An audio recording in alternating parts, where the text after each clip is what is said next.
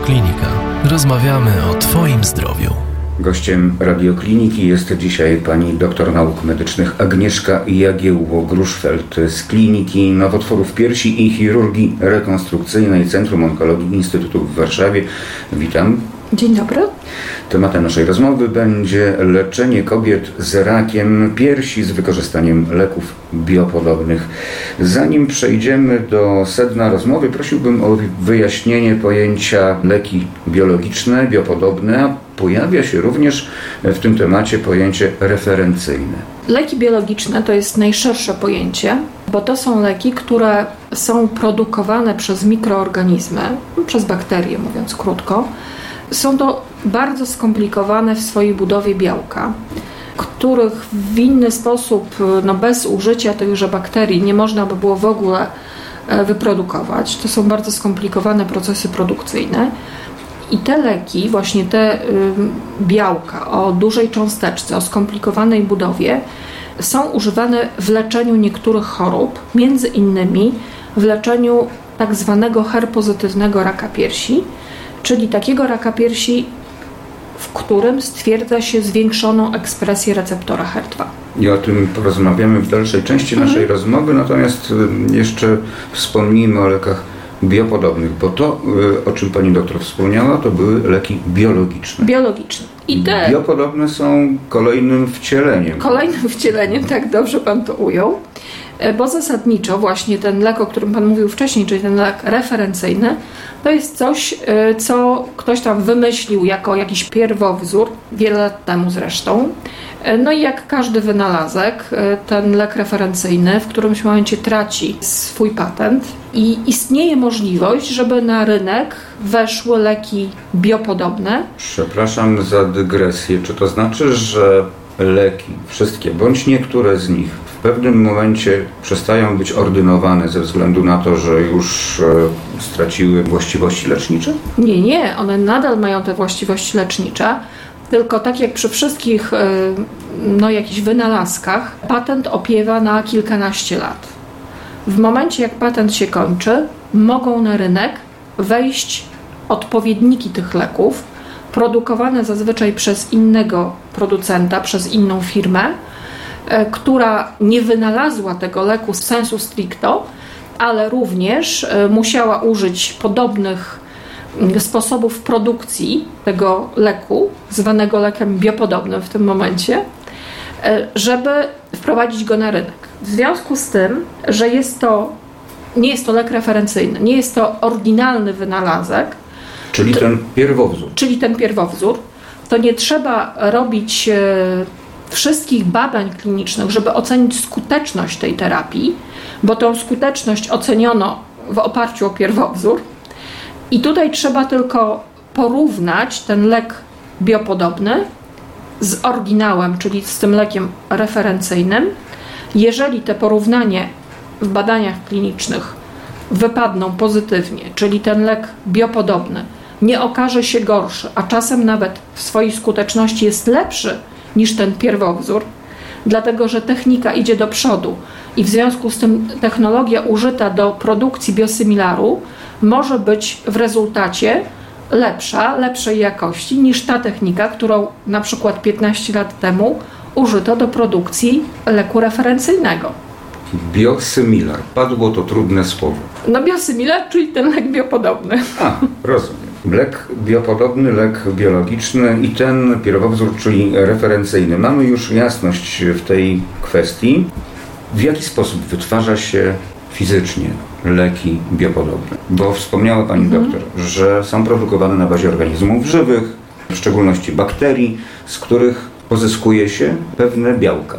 Tak. To się oczywiście odbywa określonych laboratoriach, tak, jak się domyślam. Muszą być bardzo wyspecjalizowane laboratoria, które posiadają naprawdę niezwykle wysoką e, technikę, ponieważ najpierw trzeba przede wszystkim tym bakteriom, które produkują dany lek biologiczny, no, zaproponować, żeby one zechciały go produkować. A no właśnie, jak to się robi? W związku robi? z tym... Przecież niewerbalnie. Niewerbalnie, bo one niestety nie rozumieją. Natomiast trzeba wprowadzić e, w, do jądra komórkowego tej bakterii e, trzeba wprowadzić e, kod genetyczny, czyli wprowadzić trzeba odcinek DNA, który programuje produkcję tego białka, które właśnie chcemy uzyskać. Czy to jest ludzkie DNA? To jest ludzkie DNA. Czy to nie jest zabawa z genetyką? Tak, to jest oczywiście oparte, cała ta produkcja jest oparta na genetyce. No i wnioskuję, że oczywiście zgodna z prawem, skoro to jest E, dostępne na rynku. No tak, oczywiście, bo to wprowadza się jakby fragment DNA. I na podstawie tego fragmentu DNA ta bakteria zaczyna produkować białko, które chcemy otrzymać. Później oczywiście trzeba z tej hodowli bakterii wyekstrahować to białko, odpowiednio je zapakować. W ten sposób mamy właśnie wyprodukowany ten lek biologiczny. O lekach biopodobnych szerzej w innej audycji radiokliniki. My natomiast skupmy się, pani doktor, nad działaniem tych substancji w przypadku raka piersi. Przede wszystkim ciekawi mnie mechanizm działania takich preparatów. W tym właśnie konkretnym odniesieniu. To jest bardzo ciekawy y, mechanizm, dlatego że odkryto już wiele lat temu, że na powierzchni niektórych komórek y, raka piersi jest y, zwiększona ilość takiego receptora HER2. To jest receptor naskórkowy, takiego naskórkowego czynnika wzrostu.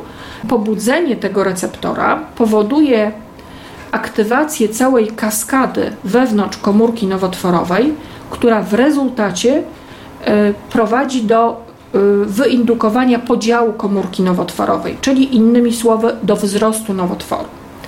No i okazało się, że te komórki raka piersi, które mają właśnie dużą ilość tego, tego receptora HER2 na swojej powierzchni, bardzo szybko się dzielą, ponieważ ten receptor ym, wtedy powoduje, ta duża ilość tego receptora powoduje właśnie wiele tych podziałów komórkowych i w rezultacie raki szybciej rosną, e, w związku z tym no, są bardziej agresywne, e, no i szybciej w sumie doprowadzają do niestety złego końca, czyli do przerzutów odległych i w konsekwencji do odejścia tego chorego człowieka. Wspomniała Pani, że w niektórych przypadkach tych receptorów jest dużo więcej. Wnioskuję, że w innych jest dużo mniej. Od czego to jest uzależnione, że na niektórych komórkach receptorów jest dużo, na innych mało? No właśnie to jest y, mm, cała, cała tajemnica tego raka piersi, ponieważ rak piersi to nie jest jednolita choroba.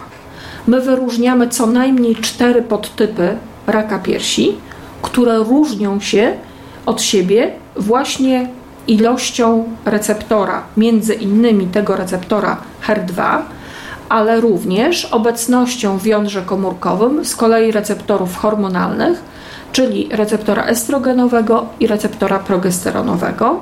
Dodatkowo jeszcze takim czynnikiem różnicującym jest też obecność e, takiego białka Ki67, e, które mówi nam też o agresywności guza. Leki biopodobne, łącząc się z receptorami komórek rakowych, hamują ich rozwój.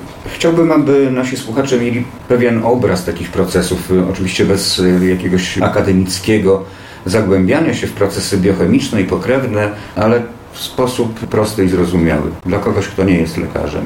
No to jest tak, że właśnie ten lek biopodobny, który podajemy pacjentce, dostaje się do tej komórki nowotworowej, tej, która ma tą zwiększoną ekspresję, czyli zwiększoną ilość tego receptora HER2, łączy się z tym receptorem, blokując go w taki sposób, że ten receptor nie wywołuje tej kaskady podziału komórki. A to połączenie i jak ono wygląda? Bo wiemy, że lek biopodobny, no to jest określone białko. Tak. I jak już sobie I właśnie konfiguracja tego białka jest. A receptor też jest białkiem. Tak, receptor też jest A białkiem. więc białko łączy się z białkiem. Białko łączy się z białkiem. Właśnie cała filozofia tego leku biologicznego polega na tym, żeby tak skonfigurować przestrzennie to białko, żeby ono było lustrzanym odzwierciedleniem tegoż receptora HER2, e, żeby właśnie miał powinowactwo do tego receptora i się z nim łączyło. I to jest bardzo jasne. Lustrzane odbicie, a więc ta odwrotność, czyli tutaj dążymy do zachowania równowagi. Tak Dobrze? można powiedzieć.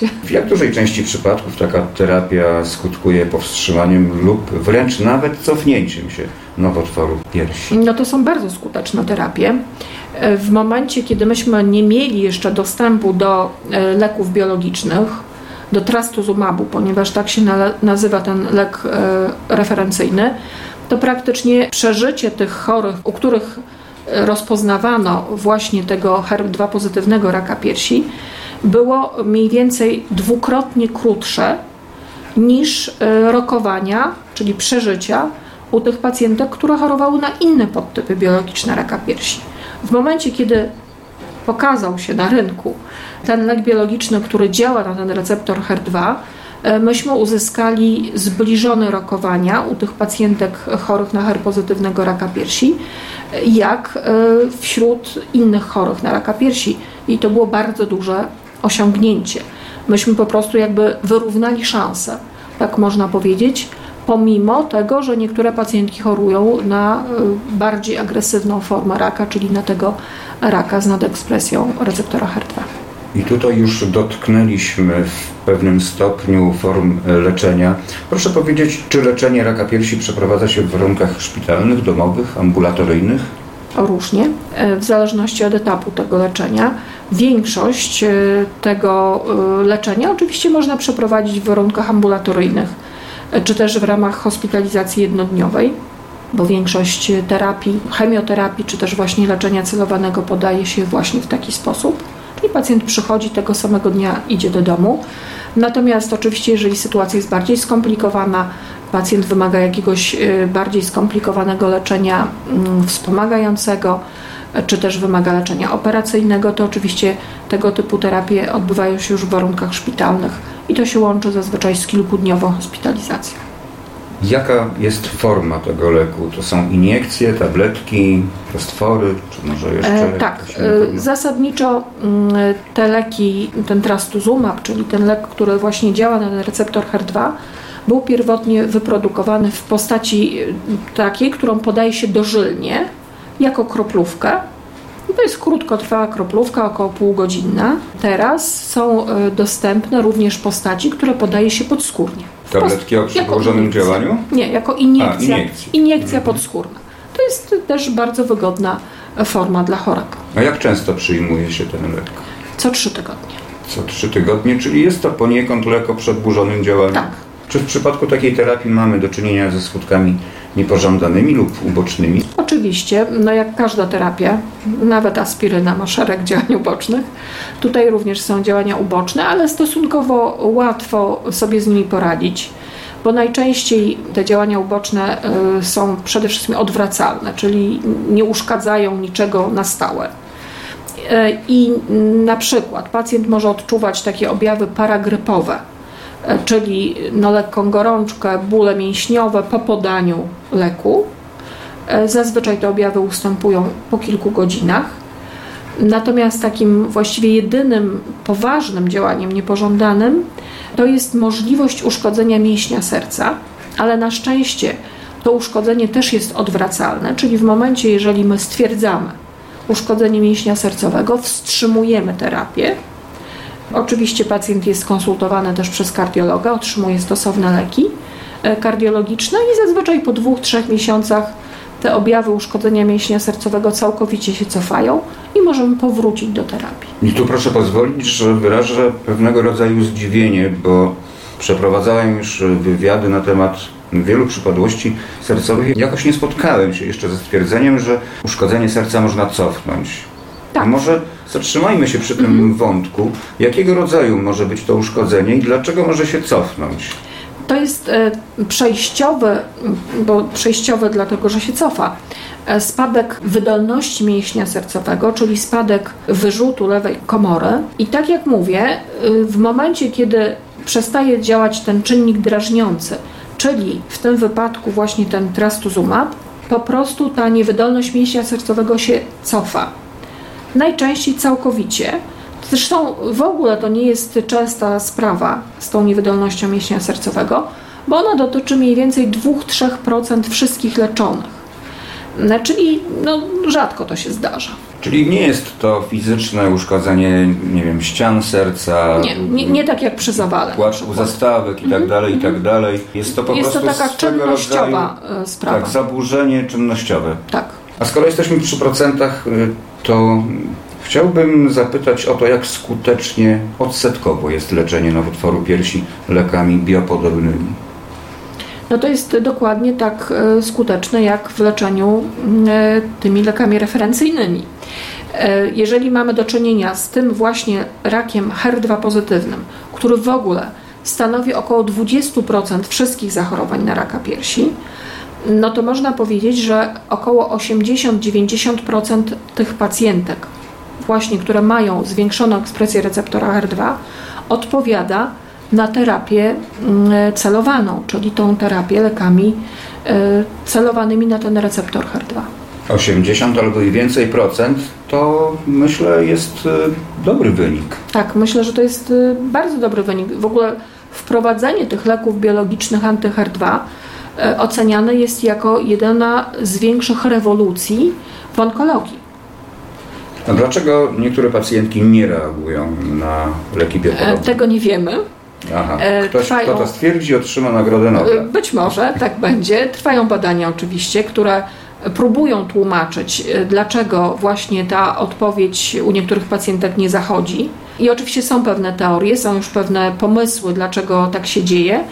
E, ale ciągle jeszcze znajdujemy sytuacje, gdzie te pomysły nie, nie do końca e, się sprawdzają i nie do końca można wytłumaczyć ten brak odpowiedzi na leczenie No bo stwierdzenie dlaczego mogłoby być, myślę, przełomowe w terapii raka piersi. Tak też myślimy. W dalszych etapach tak leczenia. Też myślimy. A czy w trakcie lub po leczeniu pojawić się mogą nawroty choroby? Oczywiście tak. Generalnie rzecz biorąc, no, wynik leczenia raka piersi jednak w najwyższym stopniu, w największym stopniu jest uzależniony od tego, w jakim stopniu zaawansowania ta choroba zostanie wykryta. Jeżeli rak zostaje wykryty we wczesnych stopniach zaawansowania, wyleczenie jest prawie stuprocentowe. Niestety, ponieważ ten rak właśnie herpozytywny bardzo jednak szybko rośnie, to te pacjentki, u których spotykamy właśnie tą, ten podtyp biologiczny nowotworu, zgłaszają się z dosyć zaawansowaną chorobą. Czyli generalnie guz jest y, zazwyczaj spory, y, czyli ma powiedzmy ponad 2 cm.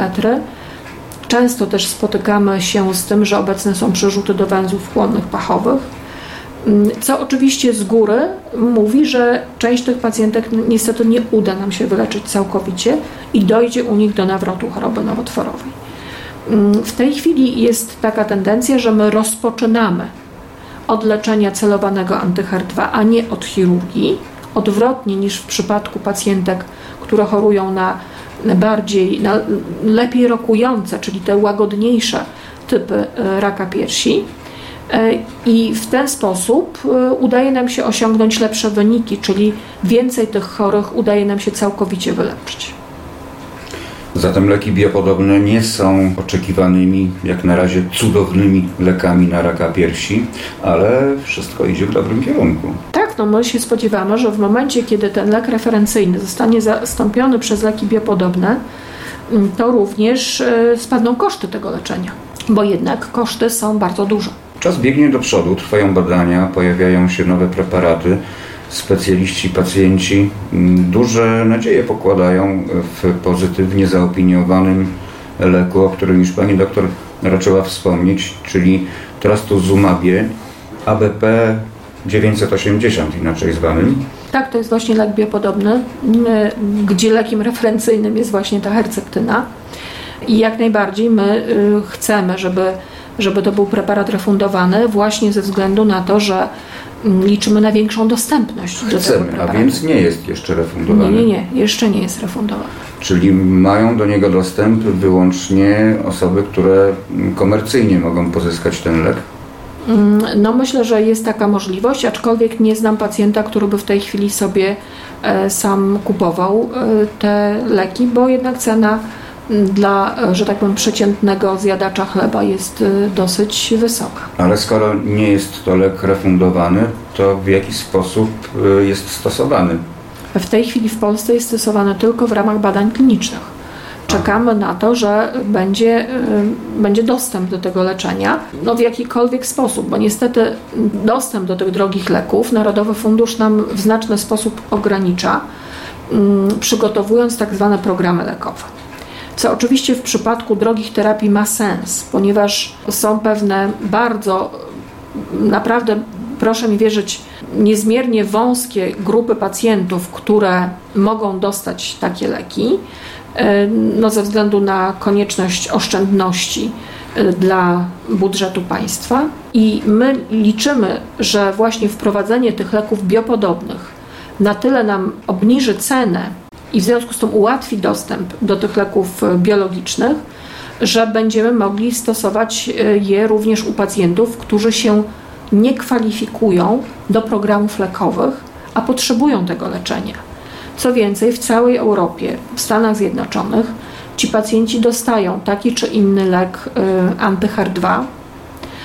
Natomiast w Polsce, tak jak mówię, ze względu na ograniczenia związane z oszczędnościami, dostają tylko te pacjentki, które Y, mogą być leczone w ramach programu lekowego. Program nam narzuca pewne ograniczenia, do których musimy, musimy niestety dostosować. Ograniczenia programu lekowego sprawiają, że w Polsce jest to póki co pieśń przyszłości. Tak, mamy nadzieję, że może już jakoś się ta pieśń zaśpiewa, no i będziemy mogli właśnie mm, no, szerzej te leki stosować.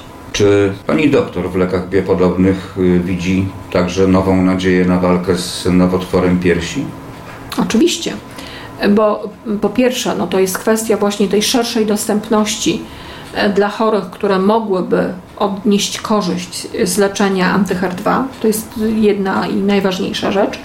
A druga, no to w momencie, kiedy nam się obniżą koszty leczenia tej grupy chorych na HR pozytywnego raka piersi, no to mam nadzieję, że Narodowy Fundusz Zdrowia czy też Minister Zdrowia zechce przeznaczyć te środki uzyskane jakby z oszczędności e, na inne preparaty, które e, w Europie na przykład są dostępne, a w Polsce nadal są nierefundowane. Więc wtedy te, te środki zaoszczędzone będzie można po prostu przesłać w inne miejsce w onkologii, tak? E, co nam zapewni dostępność do innych innowacyjnych terapii. Czy sądzi Pani, że będą kolejne wcielenia leków biologicznych? Oczywiście, to jest nieodzowna przyszłość. To jest jak, jak w każdym przemyśle, jeżeli pojawia się jakaś możliwość e, wprowadzenia pewnych innowacji, to zawsze się coś tam nowego pojawia. I to jest po prostu, no z całą pewnością tak będzie.